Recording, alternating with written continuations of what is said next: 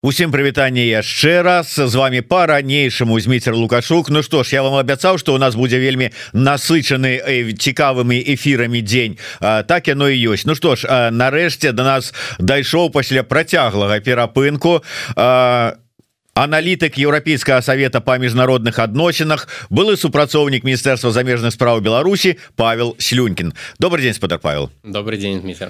Ну что ж нарабілі вы шуму на гэтых выходных усе слуханні ў каардынацыйнай радзе по пытанні вызвалення палітвязняў звяліся да абмеркавання цытаты слюнькіна які запрапанаваў усім дэмакратычным сіл Ну калі верыць па паведамленнем у прэсе якія з'явіліся запрапанаваў усім падняць лапки да гары сказаць мы а ўжо страцілі всякую надзею перамагчы і таму э, мы здаемся але э, я жартую хотя безумоўна у, у гэтым жарце таксама ёсць доля праўды э, больш падрабязна мы на гэтым пытанні спынемся крыху пазней але ведаеце я з чаго пачну? З такого агульнага пытання. Я глядзеў э, не прысутнічаў у зале але глядзеў трансляцыю у Ютубе і э, пераважная большасць тых хто выступаў яны любілі так с пафосом сказать давайте адэкватно паглядзім на сітуацыю і на рэчаіснасць і у мяне я калі чуў калі пачуў гэта ўжо раз третий ці чавёрты узнікла пытанне А до гэтага часу вы як неадэкватна глядзелі на рэчаіснасць? І а, вот з вашего пункту гледжання Ну калі мы прымаем вот гэты посыл адэкватна паглядзець на сітуацыю. Гэта як? Что мы бачым? А, вот зависит от того кто об этом говорит да, зависит от того, какую политическую позицию ты занимаешь, зависит от того, насколько эффективным ты считаешь применение конкретных инструментов э, санкционных или переговорных, да, и я бы сказал, что это очень такая индивидуальная тема, люди вообще существа довольно субъективные, да, и поэтому реальность э, объективная для всех не существует, для каждого из нас она живет э, в наших головах, да, и поэтому она субъективная. Для меня в этой фразе про объективную реальность, да, или про то, что нужно как-то трезво смотреть на, на реальность, э, вот признаться э, в том, что невозможно какие-то вещи, там, нынешние стратегии демократических сил добиться, но мне кажется, важно тогда э, и оглядываться назад, да, в 2020 году тоже людям, которые считали, что можно через выборы добиться перемен в стране, э, что можно соблюдать закон, и все будет хорошо. Им другие есть, А вы в 20 годе в это не верили? То есть вы не неофит вот этот вот, да? Ну, я не неофит. Э, у меня не было иллюзий, что если ты будешь соблюдать закон, то с тобой ничего не случится. Это проходили миллион раз уже в Беларуси, да, люди, которые соблюдали закон, в итоге оказывались в тюрьме. И мне кажется, это довольно очевидные вещи. Вот. Другое дело, что тогда это совпало с э, таким политической э, готовностью людей мобилизоваться под вот под флагом каких-то перемен, стремления к лучшему, под этой идеей про делать все по закону, но в итоге э, обещание людям, что соблюдение закона не приведет их ни к каким проблемам, как видно, они не исполнились, да, и в итоге та катастрофа, которая произошла в Беларуси, это в том числе результат, да, я не хочу виктимблеймингом заниматься, это, безусловно, э, не вина, вина единственного человека Александра Лукашенко, да, но если мы говорим про признание реальности, то признавать реальность важно не только осенью 2023 года, но и весной 2020 тоже. А, и вот люди, которые призывают кого-то смотреть а, правде в глаза, мне кажется, ну, справедливо, чтобы они тогда признались о том, что когда их призывали смотреть правде в глаза три года назад, они этого не делали. А вот, и я, безусловно, сейчас не о людях, которые в тюрьмах находятся, да, которые занимаются как бы политикой. Але что это зменіць Ну скажа чалавек Ну да от двадцатым годзе я памыліўся і трэба было а, не а, заклікаць не не не ідзіце на штурм акрэсціна а ісці штурмаваць Ну вінаваты да А что это зменіць сёння ну, я даже не про штурма Крестина, я скорее про то, а, какие разные стратегии могут быть. Я сейчас слышу про то, что вот стратегия борьбы с режимом, режим невозможно победить, да, потому что сил недостаточно, он все равно, все равно будет сильнее, да. И международную изоляцию организовать его тоже невозможно. То есть много, в принципе, таких тезисов, а, которые э, почему-то для людей сейчас кажутся новыми, да, хотя, ну, мне кажется, это было довольно очевидным, да. И еще в 2019 году были э, люди, эксперты, которые на это эту тему статьи писали, да, они предупреждали о том, что это все равно закончится вот э, к тем, к чему мы пришли. Э, но их не слушали. А почему это важно? Потому что, мне кажется, ну, нам нужно прививать чувство ответственности, наверное, за наши слова, за поступки. И если ты критикуешь кого-то, то важно, чтобы люди верили тебе, важно признаваться в собственных ошибках, иначе твоя позиция, она тогда, ну, это мое личное ощущение, да, она кажется конъюнктурной, а не политически ответственной, да, когда ты не признаешься в том, что ты когда-то был неправ, а, и сейчас призываешь других а, действовать совершенно противоположным образом, чем когда-то ты это делал, да, ну, важно, наверное, провести какую-то рефлексию, э, признать э, какие-то свои просчеты, и тогда, мне кажется, это, собственно, будет способствовать объективной оценке этой реальности, а не такой э, тактической, конъюнктурной, когда сегодня мне выгодно так, и мы делаем вид, что мы не помним, что было вчера. Э, спадар павел ну вы ж як чалавек э, разумны вы добра ведаеце трошачку гісторыю найноўшую пры прынамсі э, палітычную нашай краіны калі у нас была хоць раз апозіцыяй хотя бы я уже не кажу про рэжым праведзеная праца над помылками вы прыгадаеце такую хоть одну я не Я снова же не хочу да никого винить особенно людей которые являются частью репрессий я благодарен тем людям, которые всю свою жизнь или здоровье положили на то, чтобы отстаивать права вас, меня и остальных других людей. А, очень легко требовать от этих людей э, политической эффективности или результатов, э, но условия им создавали такие чтобы этих результатов не было не, не, не, я не без всяких прэтэнзій вот вы зараз сказали про тое что трэба ўсё ж таки провесці ну там зразумець что было зроблена у двадцатым mm -hmm. не так а мы зразумелі вот бы провялі такой анализ что было у десятым зроблена не так а ў шостым то я думаю, да. Ну, вот если вы меня спросите, я думаю, что такой анализ был сделан, он обсуждался, но проблема э, не в том, что если бы мы действовали каким-то другим способом, результат был бы иным. Ну, в смысле, э, факты какие-то на Земле были бы другими, да, но режим никуда бы от этого не исчез. Не потому, что мы действовали плохо, а потому, что ресурсы у сторон, они совершенно несопоставимы. А если говорить про ошибки, про 2020 год мы разговариваем уже три года, у каждого каждого сформировалась своя точка зрения по поводу того, что возможно было, что невозможно было сделать, да, э, и собственно говоря, работа над ошибками, она тоже у каждого своя, да, то есть э, выводы из тех событий, они тоже очень субъективные, и поэтому, наверное, тот, кому я обращаю этот призыв отрефлексировать свое поведение в 2020 году, они просто со мной не согласятся, потому что посчитают, что делали тогда все правильно, да добра э, я разумею і цалкам з вами згодны что у кожнага будзе свой э, погляд свои позиции свои там рэфлексіі высновы калі мы кажам менавіта про ваше асабістае бачанне вот гэтага пытання вот першае якое я і задаў. То есть реально паглядзець на сённяшнюю сітуацыю у пытанні вызвалення палітвязняў. Ваше бачанне якое? Ух это хороший вопрос да и у меня будет долгий ответ. Нічога мы патрываем а галоўнае вы так цікава так востра як вы і падчас слухання выказываліся Ну, если говорить про объективно, да, объективная реальность, которая живет у меня в голове, э, ну, нужно признать, что сейчас заинтересовать режим Лукашенко или запугать его чем-то, заставить его действовать как-то иначе, э, крайне сложно. А, и я не считаю, что если кто-то считает, что санкции не сработали, то автоматически это будет значить, что вдруг переговоры или какие-то уступки, или даже поклон в сторону Минска, вот он сработает.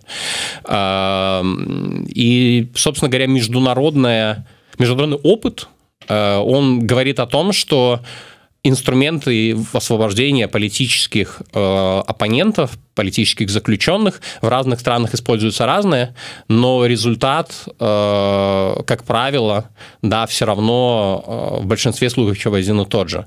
Э, освобождение политических заключенных э, это в первую очередь добрая воля да, тех людей, которые этих э, людей в тюрьму посадили. Их можно пробовать заставить, если у тебя достаточно количество инструментов для этого сделать. Вот. И, или попытаться выкупить этих людей, да, простимулировать это освобождение, но если там желания нету, то это сделать крайне сложно. Вот я сейчас приведу две, а, две группы или три группы, да, чтобы вы мне на фактах. Да. Вот берем, например, Египет. В этой стране, а, по оценкам некоторых правозащитников, более 65 тысяч политических заключенных. Да? 65 тысяч. А, каждый год там выпускают из тюрем по помилованию. Вот в 2021 году выпустили 1600 с лишним человек, в 2022 году 1300 с лишним человек. А при этом 65 тысяч остальных остаются в тюрьме. А, у президента Египта, вот у него три дня назад он э, на полях УАЭ, где был, собственно говоря, Александр Лукашенко, он встречался с премьер-министром Риши Сунаком. Там же он встречался с вице-президентом Байдена, да, Камалы Харрис, вице-президентом США. А у него были встречи с Шарль Мишелем. А, ну, как бы легитимность, да, его признают все эти люди. Санкций против э, президента Египта или против Египта нет. Ну и что? Вы считаете, что ни, никто не просит освободить этих людей из тюрем? Или эти темы не поднимаются? Поднимаются. А, но люди продолжают сидеть в тюрьме. А, возьмем другой пример, ближе к нам, да, Туркменистан, постсоветское пространство, тоже жесткая власть, жестокая власть, там ограничения постоянно э, такие, да, не только на политическую деятельность, на любую критику правительства, да. Мы не знаем, сколько там реально людей находится в тюрьме, правозащитники просто не могут назвать даже приблизительное число, но по их подсчетам 162 а, человека просто исчезли за стенках, да. То есть, возможно, они мертвы, возможно, живы, и об этом никто не знает. Да, э, есть подтвержденные случаи, когда уже точно люди там э, умерли или были убиты. Э, и есть случаи, когда люди, сроки закончились их, да, они были огромными сроками, очень длительные сроки, и вроде как и дело не продлевалось, и новых дел на них не заводилось, но они не вышли из тюрьмы. Вот просто человека не стало и непонятно, его осудили снова или убили там, есть он там или нет, вообще где он. Ну, вот таких случаев тоже десятки. Ну, президенту Туркменистана верительные грамоты вручают. Все послы. А проблем с международной коммуникацией у него тоже нет. У него тоже есть разговоры, звонки а, с разными э, представителями. Да. Он встречался с Меркель, встречался с Шольц, а, с Шарлем Мишелем встречались разные президенты. Ну, последний, да, отец и сын Берды Мухамедова. Ну, и санкций против Туркменистана тоже нет. То есть диалог об освобождении политзаключенных ведется, годами ведется, но не приводит к результату. А, это к вопросу да, о том, что не нужно, говоря о жестоком признании реальности, питаться иллюзиями, что если вдруг санкции мы снимем, то вдруг все зацветет да, добрым цветом. А, еще один пример приведу. Менее радикально тоталитарный, да, но Азербайджан у этой страны тоже все прекрасно с международными отношениями, да, даже несмотря на то, что войну они вот недавно военным путем вернули или освободили, или захватили, кто как скажет, да, а, на Горный Карабах. 235 а, политзаключенных – это рекорд за последние пять лет за этот год там они дополнительно 31 человека взяли в заложники, по сути, но санкций никаких против них нету. Ограничения есть законодательство ухудшается, правозащитные организации требуют да, какого-то давления на, на, на Алиева. Но политзаключенных держит и, и не собирается отпускать. Ну, а легитимность его никем не оспаривается. И вот мне кажется, важно такие примеры да, помнить, чтобы еще через три года или через два года, когда вдруг случится то, к чему призывают сейчас некоторые, там, не знаю, отмена санкций, да, или там признание легитимности, еще что-то, если это не даст результата, ну, важно просто понимать, да, что шанс на это теоретически или гипотетически есть, но никаких гарантий на это нет. И я в этом же, на этих слушаниях во время другой панели привел цитату Уинстона Черчилля, которая, мне кажется, очень точно описывает положение, в котором мы сейчас находимся. Э, Уинстон в военное время, он сказал, что военнопленный – это тот человек, который только что пытался тебя убить, у него это не получилось, и теперь он просит, чтобы ты не убивал его.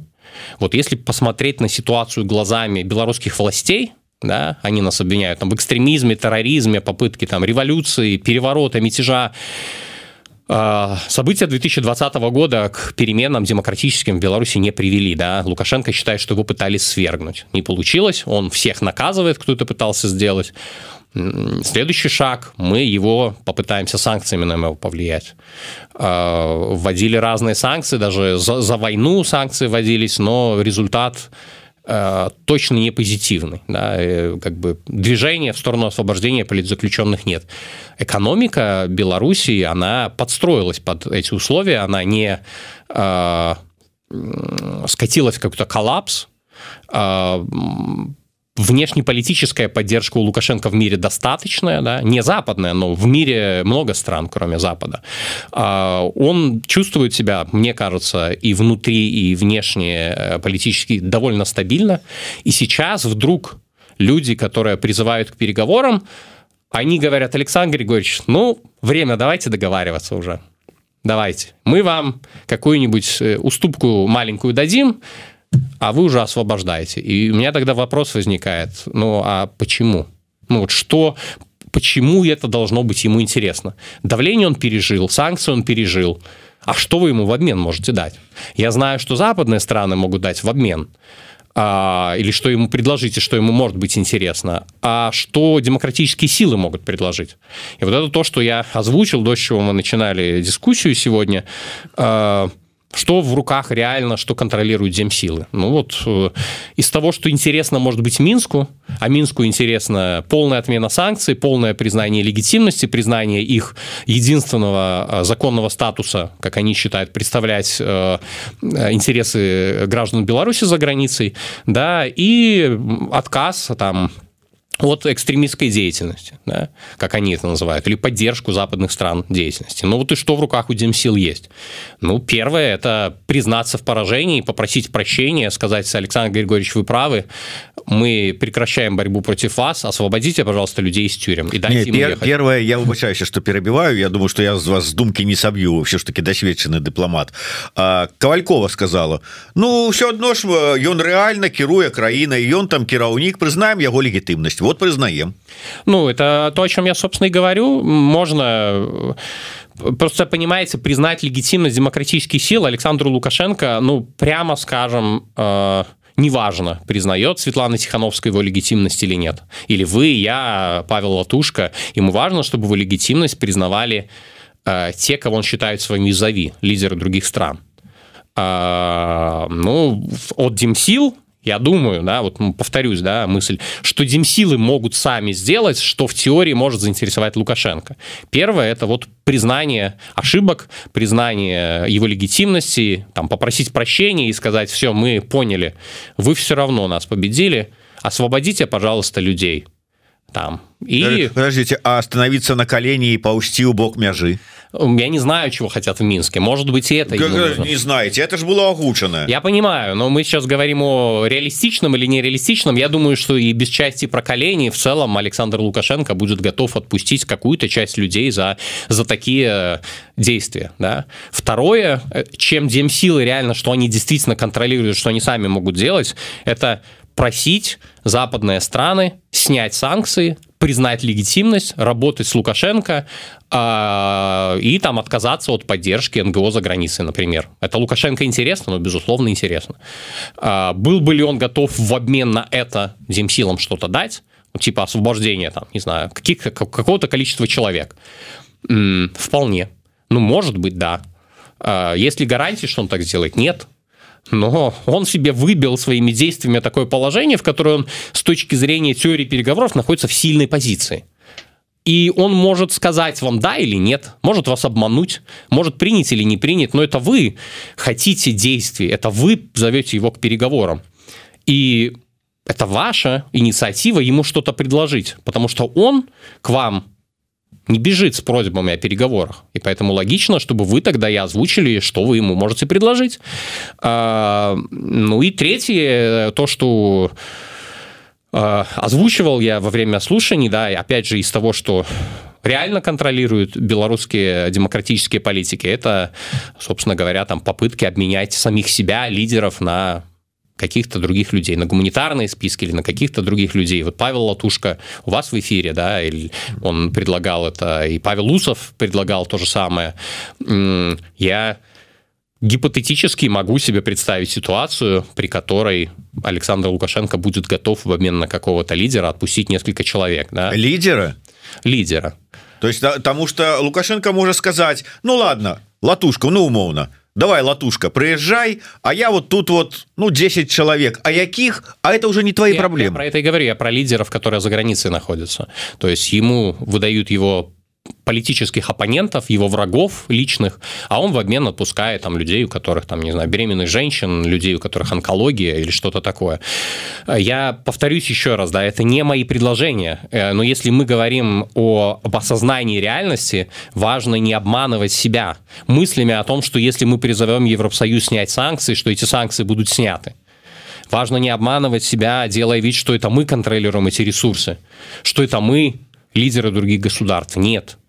Можно просить, можно умолять, можно убеждать, но это вовсе не значит, что там западные партнеры это будут делать или что они готовы будут на это пойти. У них свои национальные интересы, свои расчеты, свои планы, и даже Евросоюз работает так, что там недостаточно мнения Германии или Франции. Там нужно, чтобы было, э, был консенсус по каким-то вопросам.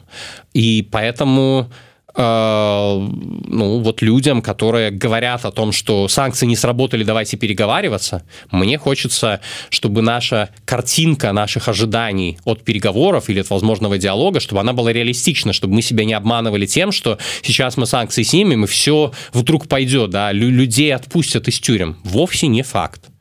То же самое, если мы будем продолжать санкциями заниматься, может быть, еще и 15 лет никто оттуда не выйдет. Мы этого не знаем. Будущее, оно не, не, невозможно предугадать.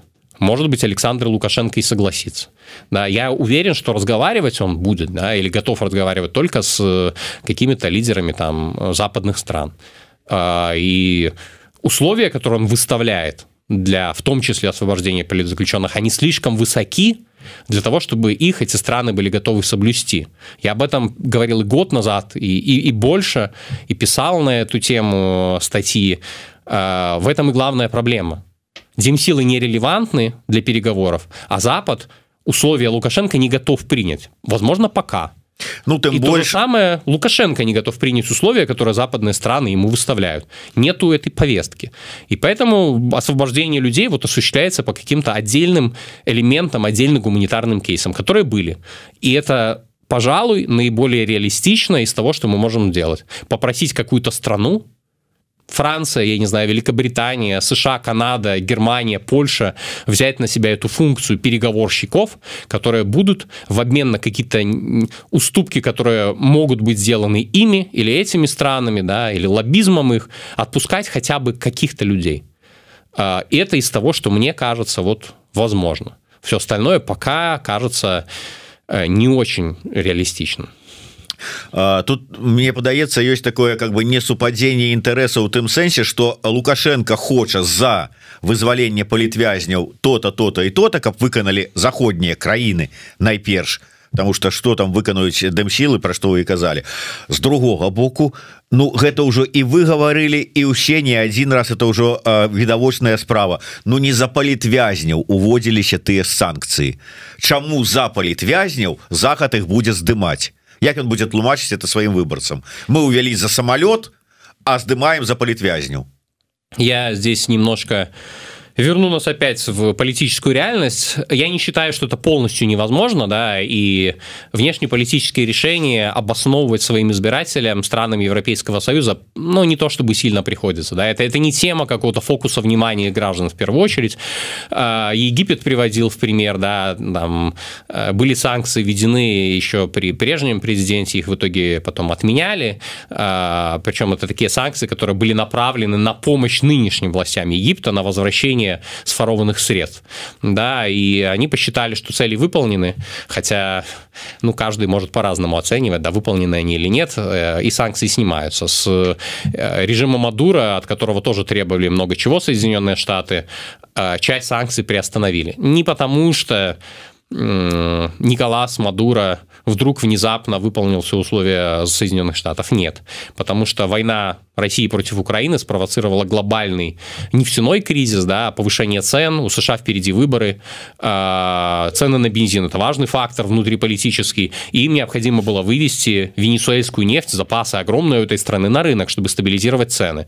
И поэтому они эти санкции снимают. Но прикрываются, конечно, вещами вот такими, которые как там, типа, национальный диалог или какие-то переговоры, хотя там, ну, каких-то больших успехов значительных нет. И избиратели Байдена не требуют э, от Джо объясниться, почему он так делает. Ну, понятно, что есть политические оппоненты, критики, но это не останавливает, да, поэтому я вполне себе могу допустить, что санкции, которые были введены не за это, а, найти им обоснование довольно легко. Вот давайте посмотрим э, на то, что происходит э, в Беларуси, вот как поменялась эта картинка там за последний, например, год российских войск в Беларуси практически уже нет.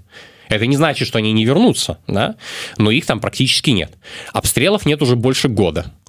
А санкции были введены, которые за э, посадку самолета Ryanair, э, задержание Протасевича и Софьи Сапеги, они оба на свободе. Э, миграционный кризис сейчас идет на спад. Я не могу никаких дать гарантий, что он э, вот сойдет на нет или что он не вернется назад, но вот тренд последних нескольких недель, что он приходит к минимуму там за последние, э, ну, год, наверное. И, ну, вот вам и объяснение, да. Часть санкций, которые объяснялись миграционным потоком, ну вот уже, значит, можно говорить, что вот он снимать.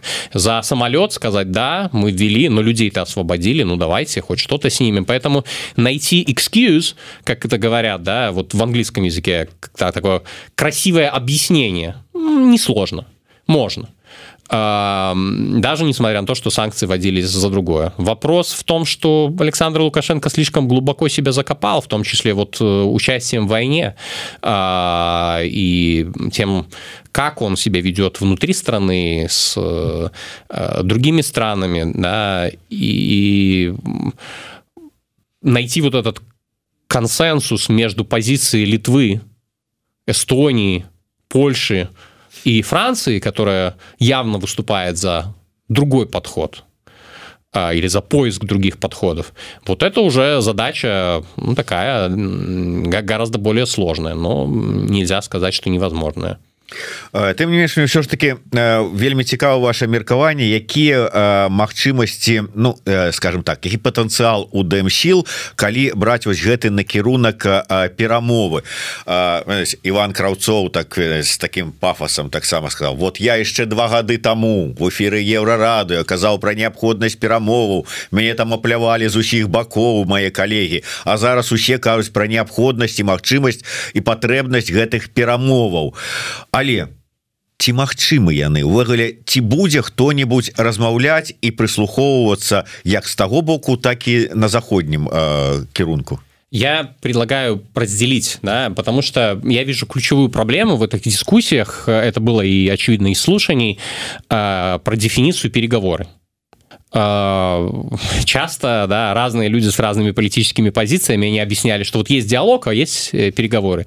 Я, честно говоря, ну, не то чтобы вижу большую какую-то разницу между этими понятиями. Да. Переговоры могут быть локальные по какому-то одному конкретному кейсу, как в случае там, с освобождением Грудиловича, например, да, или в случае с освобождением э, там, представителей польского меньшинства или там Помпео, когда разговаривал с Лукашенко, это диалог или переговоры, да, и то, и другое, да, это вполне попадает под эти дефиниции.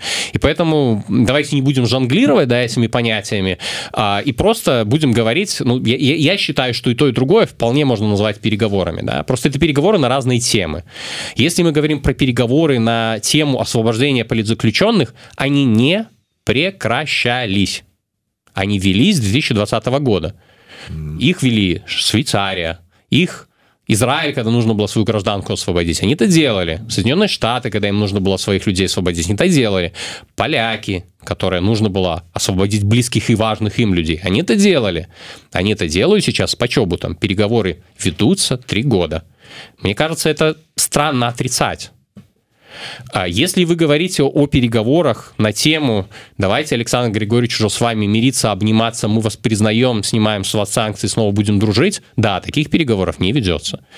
Переговоры ведутся о локальных каких-то кейсах и возможности гуманітарных спіс все чакаюць я вот выбачаюсь яшчэ раз что перабіваю все чакаюць что перамовы будуць такого ўзроўня так а, лукашенко трэба вызваляць не вот этого вот конкретного одного другого третьего а трэба вот вызваляць ну усіх пожадана но как бы хотя таксама про лічбу усіх таксама цяжка казаць. Адны праваабаронцы кажуць про 1470 другие кажуць про 3000 третье про 8 тысяч.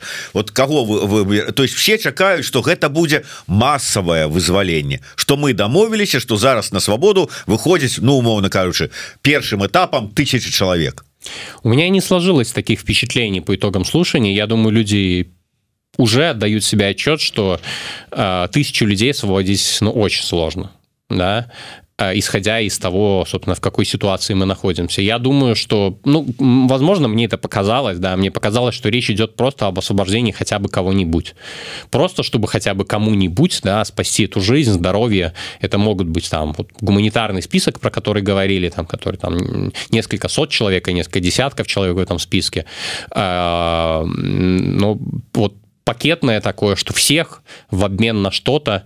Ну, я, я, я допускаю, что такое может произойти, но, опять же, это вопрос про то, что демсилы здесь не, не будут иметь право голоса, да, и если мы говорим уже про переговоры, то это переговоры между Лукашенко и какой-то там западной страной, например, и тут у демсил остается единственный вариант. Либо доверить тактику переговоров, уступки, на которые эта страна может пойти, результаты, которые она может добиться. Нужно полностью передоверить это право э, вот этому субъекту переговоров. Ты не можешь стоять в стороне, не имея никаких ресурсов, и говорить там, я не знаю, представителям там французского правительства, немецкого правительства, австрийского, кого угодно, Швейцарии, и говорить, вы знаете, вот э, за 500 политзаключенных нет, за, за 700, да, так не будет это работать. А, и если вы доверяете переговоры какой-то стране, обозначаете какие-то свои там пожелания, но нужно понимать, что эти переговоры будут вестись не вами, и результаты могут вас не удовлетворить. А, это тоже, мне кажется, как раз про такой реалити-чек. Э, Павел я можа быть там цынікі скептык але вот слухаючы вас э, про тое что в прынцыпе э, няма ніякіх магчымасцей і увогуле там аўтарытэта у дэмакратычных сілаў каб неча дапамагчы дамагчыся Ну там же таксама не дурні сядзяць у гэтых дымсілах умоўна кажучы яны что не разумеюць гэтага? То есть гэтыя ўсе размовы. А давайте мы соберомся давайте устроим слуханні А что мы можем зрабіць для вызвалення палітвязь казняў это все вот как бы такое адчуванне часам что это ну вот чтобы просто собраться поговорить там на корысть бедных как говорится. Давайте вот поговорим. Не я змитер э, заступлюсь здесь э, и за дем силы и особенно за слушание. Слушания прошли прекрасно. Меня очень удивило что эти слушания прошли только сейчас хотя люди сидят в тюрьме довольно долго, да, споры на эту тему велись очень долго, и там была прекрасная атмосфера, когда люди с разными политическими позициями, э, взглядами на процессы, взглядами на реальность, э, там, идеями по тактике или стратегии ведения борьбы за освобождение политзаключенных, они сидели на одной сцене, друг другом спорили, уважительно обменивались, э, там, не знаю, э, колкостями, но и аргументами, вели диалог. Павел, это... Павел так пригоже, я сейчас заплачу. А толку от этого? Я все понимаю, Змитер, но ну, у нас нет ресурсов, чтобы освободить этих людей. И демсилы могут либо привлекать к этой теме внимание, обсуждать, а что мы можем реально сделать, да, либо не делать ничего. Вот с моей точки зрения лучше делать хотя бы такие вещи. И обсуждение разных, собрать там людей, которые выскажут разные точки зрения и обсудят это, но это уже лучше, чем просто делать вид, что эти люди вот забыты, давайте мы просто пойдем по кафе, пить кофе или просто в студиях обсуждать глобальную геополитику. Там находятся наши люди – наши родственники, братья, сестры, мамы, дети, кто-то уже умер. Нету другого более важного вопроса, чем это для белорусов. Для Украины это война, для России там, я не знаю, своя тема, да, для европейских стран своя. У нас, исходя из тех геополитических изменений, которые в мире происходят, не может быть более важной темы, чем спасение жизни людей в тюрьмах. И я рад, что мы наконец к этому пришли, обсудив это все. Да? Я, позвольте, я еще вот скажу про ресурсов нет, нужно что-то делать. Да? А, у, я, я это на слушание говорил. Есть страны, у которых огромное количество ресурсов. Соединенные Штаты, глобальная мировая доминирующая сила с Венесуэлой. Венесуэльцы держали в тюрьме граждан США 5 лет. 5 лет велись переговоры. Ввели против Мадура огромные санкции, да, то есть очень э, тяжелые, гораздо более сложные для венесуэльской экономики санкции, с гораздо более сложными последствиями. Там миллионы людей уехали из Венесуэлы от голода. Они убегали из страны, потому что не могли себе купить их зарплаты, не хватало купить бургер. А, и они улетали, уби, улетали, убегали да, через границы законно и незаконно в Колумбию. Это гуманитарная катастрофа. Были давления США, активное по освобождению не каких-то чужих граждан, не венесуэльских граждан, а граждан Соединенных Штатов. Пять лет. Одновременно, которое велось, давление одновременно с переговорами. С ним договаривались тоже. И результат пришел через пять лет. При этом параллельно с этим давлением и переговорами режим Мадура похищал граждан США из приграничных регионов Колумбии. Он задержал там двух бывших военнослужащих США, да, пехотинцев, и одного адвоката-правозащитника эти люди до сих пор в тюрьме. И США заморозила какие-то санкции, да, пытается там что-то делать, но люди до сих пор в тюрьме. Это граждане США, страна, которая имеет самый, я не знаю, наверное, э, безупречную репутацию в части того, что она своих граждан просто так за границей не кидает. Где демсилы Беларуси, а где США? И вот если у этого государства нет возможности спасти трех своих человек, да, это занимает столько времени, ну чего мы можем ждать от Светланы Тихановской, Павла Латушка или любых других людей? Это как раз про ту самую реальность, которую необходимо признавать. И критикам Демсил, и самим Демсилам. Ну безумоўна я згодны і тыя хто давно сочыць за э, палітычным шляхам э, дзеяча под назвай лукашенко зразумела что вот так яно ўсё і будзе. То есть вот э, ўсё ж таки тады э, якія рэальныя крокі можна зрабіць?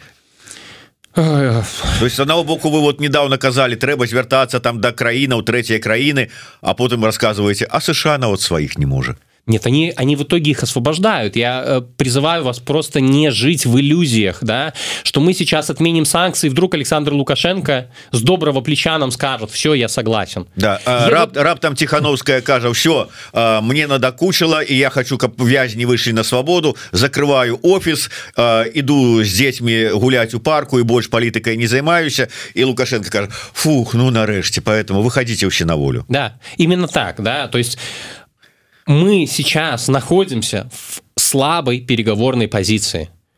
Ну, очевидно, да, что когда ты пытался добиваться, требовать что-то от Лукашенко там, в 2020 году, в 2021 году, в 2022 году, в 2023 году, и это не привело тебя к результату. И сейчас ты говоришь, вы знаете, наверное, пора уже начать ему уступать.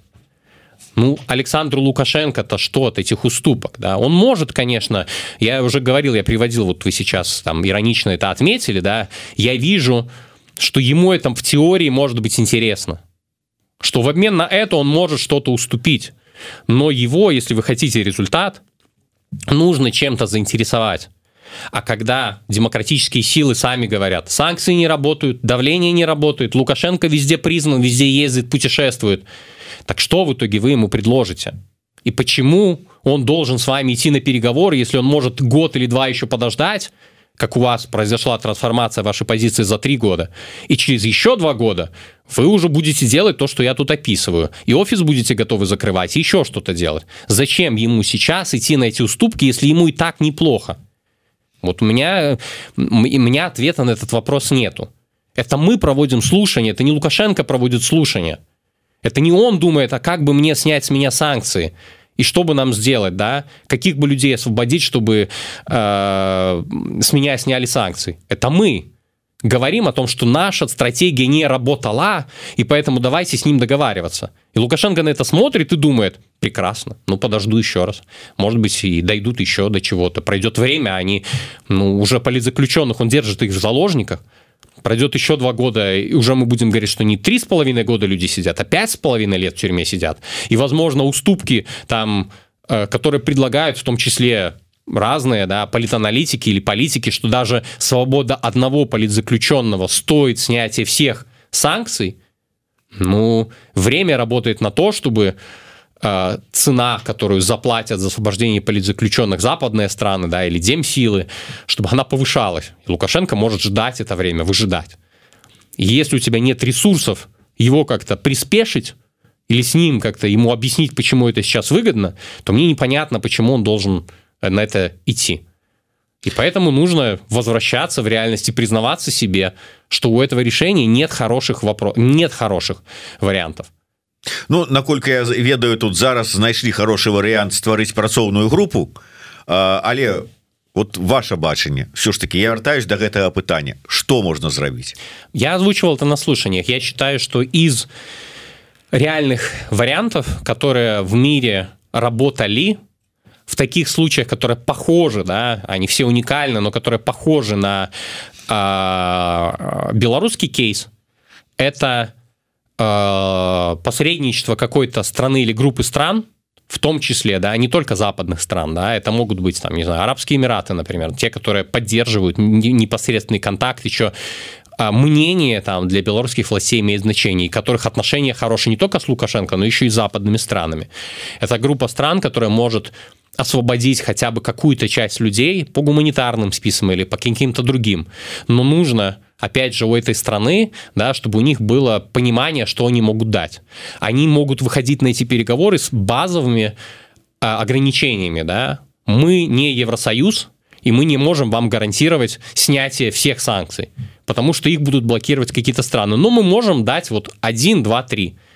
И это то, как это работает на переговорах. Вы можете обменивать Лукашенко. Я не знаю, ну вот если какая-то страна идет, она говорит, все, мы не признавали вас президентом, но сейчас у вас состоятся президентские выборы. Мы знаем, что это никакие не выборы, это фикция, но ради свободы людей мы готовы будем притвориться, да, что э, что-то поменялось. И снова будем выстраивать с вами политические отношения. И, возможно, Лукашенко это будет интересно. Да? Я не знаю, согласятся ли какие-то страны на это пойти или нет, но это, собственно говоря, то, как работают переговоры. Когда вы предлагаете разные варианты, стороны не приходят послушать, что хочет Лукашенко, они изначально приходят с какими-то предложениями, они изначально выстраивают для себя рамки того, чего они могут сделать, да, добиться какие-то программа максимум, программа минимум и того, что они могут предложить. И на, с другой стороны приходят такие же группа людей, переговорщиков, которые точно так же э, обсуждают. У них тоже есть свой там минимум, максимум уступок и, и пожеланий, и потом вырабатывается какое-то решение. Они приводят к результату. Так высвобождались люди уже в Беларуси по одному человеку. Это может быть более комплексное решение. И оно может занять там месяцы, может год занять, может больше занять. Но это та вещь, которая не будет требовать нереалистичных шагов, типа снять все санкции или забыть, что Лукашенко в войне помогает России. Нет.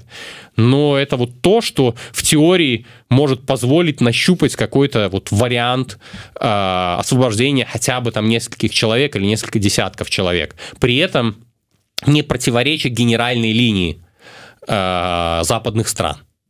И это единственное реалистичное из того, что вот, ну, опять же, я очень субъективен, да, из того, что я вижу из того, что может в теории принести хотя бы какой-то результат, принести там э, моменты счастья в семьи хотя бы десятков человек. Э, я тут можа быть э, цынічна буду выглядаць але э, я просто аргументы якія гучалі і падчас слуханняў. Ну вот год будзе там якая-нибудь краіна дамаўляцца весці перамовы і по выніку там дамовіцца что отпусцяць одного там трех 5 чалавек. І аргумент насустрач. А на наступны дзень лукашенко возьме і з, на тое ж месца пасадзіць 15 так і, і что так и будет миссер но это, это тоже правда в Египте оно так и работает они э, президент Сиси э, сказал да что я объявляю национальный диалог. Мне вообще, в принципе, когда я читаю про то, как в Египте это работает, очень много параллелей можно провести с Беларусью. Рекомендую всем, кому интересно, просто немножко почитать про это. Национальный диалог. Да, он освободил в, там, в конце 2022 года 895 человек. Часть из них выпустили и снова посадили назад, потому что они рассказали о том, как им над им, их пытали в тюрьмах. Там было десятки человек, которые вернули просто назад, потому что они Видимо, дискредитировали. Нарушили. Ну да, да, дискредитировали. Занимались экстремистской деятельностью, рассказали правду, да. А, он освободил 1300 человек в прошлом году. Знаете, сколько посадил? 3000. Это тоже правда. И прессе Александр Лукашенко может не останавливать. Может уменьшить, а может и нет. И нету никаких гарантий. Да? Ни, ни одна страна мира не заставит его отказаться от репрессий, если он считает, что это угроза его власти. Это, собственно говоря, да, вот эти вот trade-offs, как это говорят, да, баланс ваших э,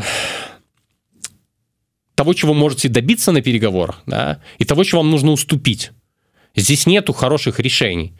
Здесь всегда будут огромное количество минусов, на которых делают сторонники или противники э, вот таких уступок, да, акцент. И наоборот, будут какие-то плюсы, типа свободы нескольких людей, несколько десятков людей, которые будут говорить, ну хотя бы этих людей мы освободим. Потому что новых он посадит, вне зависимости от того, выйдут на свободу другие или нет. И встает вопрос сложных решений. Это решения, которые принимают политики. Это их профессия, да. И это не только Беларуси применительно. Да? Это, в принципе, задача политиков. Принимать, слушать мнение людей и брать на себя ответственность за решение. И если люди, которые сейчас говорят про давайте переговоры или давайте снимать санкции, какие-то большие, маленькие, добиваться от этого, давайте признавать его легитимность. Если эти люди берут на себя политическую ответственность за такие шаги и будут лоббировать, а потом Александр Лукашенко никого не отпустит, то это их политическая ответственность и их отсутствие результата. Они сейчас критикуют Тихановскую за отсутствие результата, но точно так же может произойти и с ними. И это важно сейчас, перед тем, как мы будем делать какие-то шаги, важно, чтобы разные люди с разных политических спектров это понимали. Вот я, собственно, на слушаниях пытался эту мысль донести. Я не знаю, получилось или нет, но я рад, что у меня в студии есть возможность ее повторить.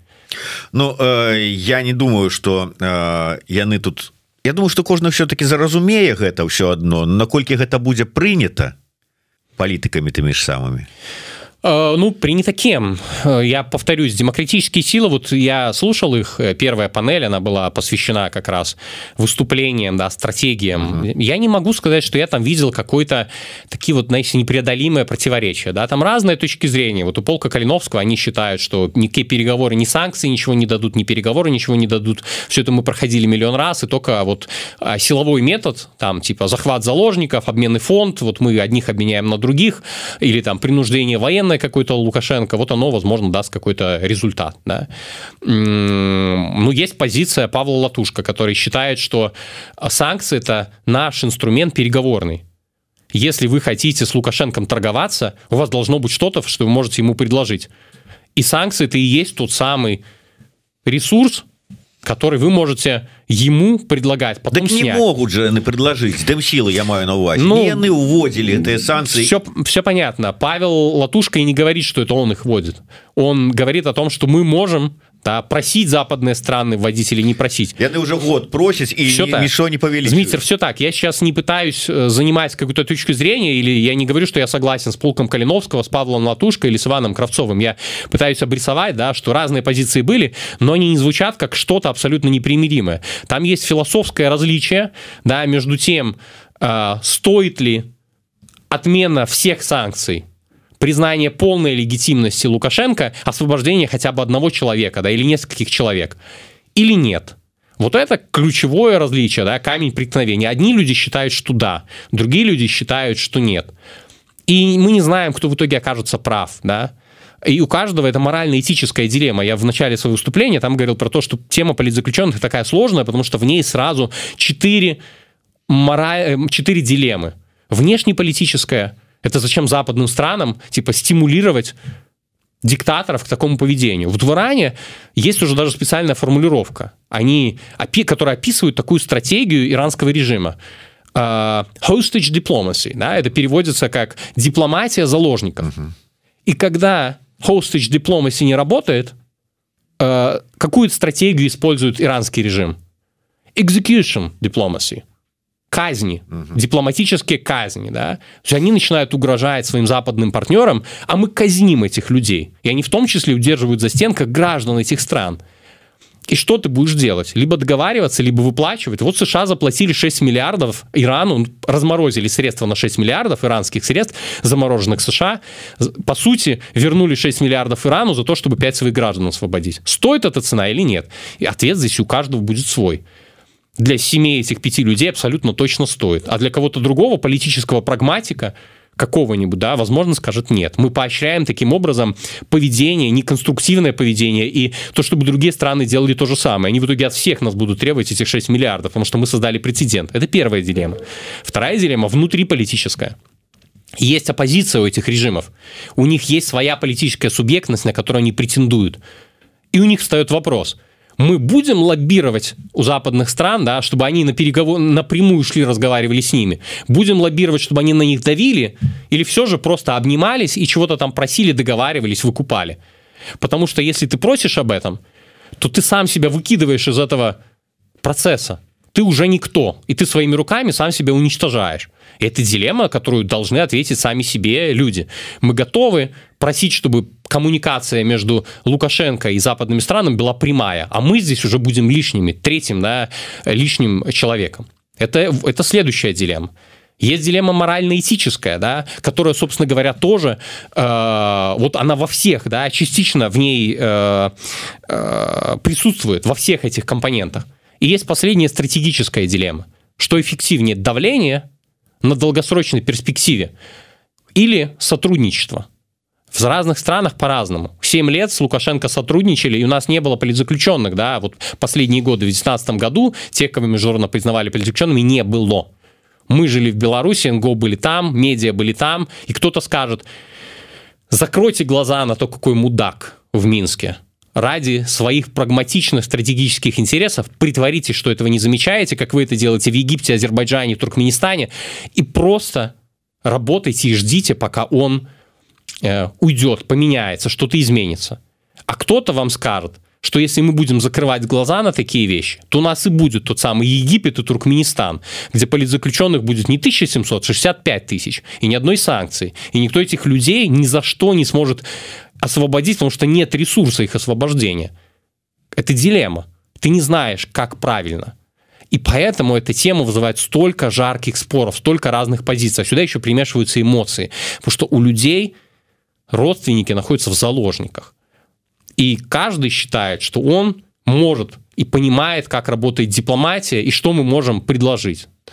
И нету здесь хорошего решения. Если вам человек какой-то скажет, что он знает, как это сделать, и что это точно сработает, он обманщик. Э, не могу не закрануть яшчэ такую тэму выступіў так с э, такой рэмаркай свой ці там сваім меркаваннем кароткім ксён Вячеслав барок які сказаў что нават гэта размова ідзе не пра там 8 ці 10 тысяч асуджаных по крымінальных артыкулах і крымінальных пераслед адбываецца палітычны пераслед выбачаюся а увогуле по ну у засценках уся краіна. 9 мільёнаў чалавек якіх трэба вызваляць а не толькі вось 1400 афіцыйна прызнаных палітвязняў. А мы чуем ад удзельнікаў таксама гэтага абмеркавання про тое что як там прогучала трэба падзяліць звяржэнне ці замену рэжыма і вызвалення палітвязняў так трэба дзяліць ці не трэба каждого будет свой ответ. Ваш який? А, я считаю, что за этим мнением есть э, рациональные аргументы. Я, они опять же исходят, эти люди сторонники этой идеи, они исходят из э, оценки ситуации на Земле, да, и что э, стратегия мы свергнем режим и потом все выйдут на свободу, но она слишком иллюзорная, ее можно ждать 5 лет, 10, 20, 30, 150, да, никто не знает сколько, и сколько люди эти протянут. И они делают упор на гуманитарном решении вопроса. Давайте мы Александру Лукашенко скажем, да, что вот нужно выделить каких-то там людей по гуманитарным спискам. Они не ваши оппоненты, да, они там в комментариях что-то написали не то, или просто болеют люди. Они не представляют вам опасности. Таких людей в застенках Беларуси хватает которые абсолютно не представляют опасности Лукашенко, и на которых, которых он освободить мог бы прямо сейчас, если бы хотел. Он просто не хочет.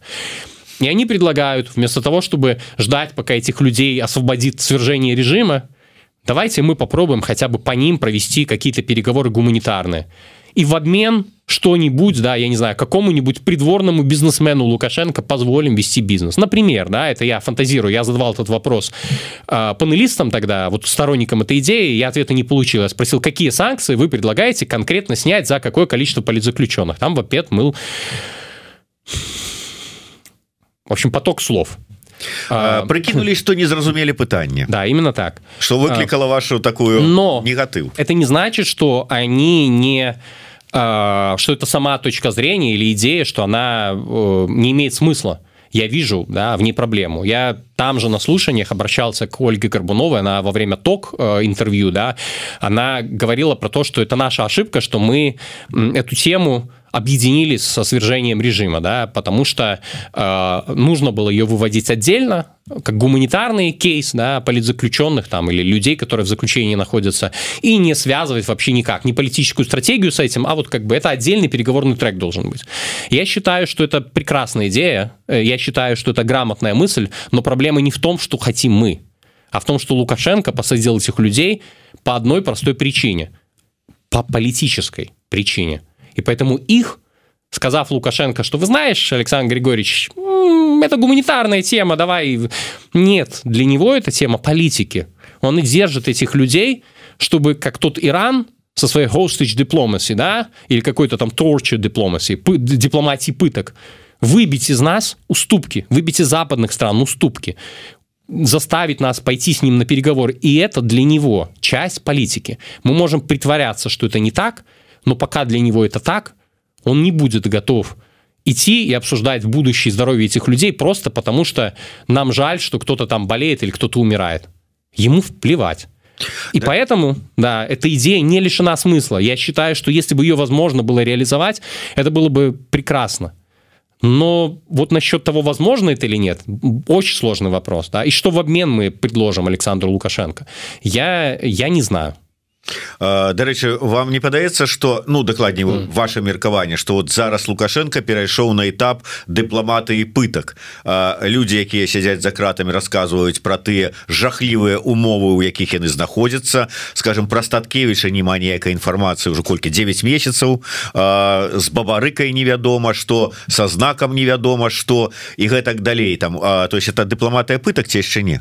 Ну, все зависит да опять же от того как мы будем оценивать. Ну моей точки зрения, да. А, с другой стороны, это далеко не всегда должно исходить из того, что там Лукашенко каждый день дает указание выдавать матрат знаку или нет. Ну, понятно, что нет. Есть какой-то фреймворк, да, такое общее правило.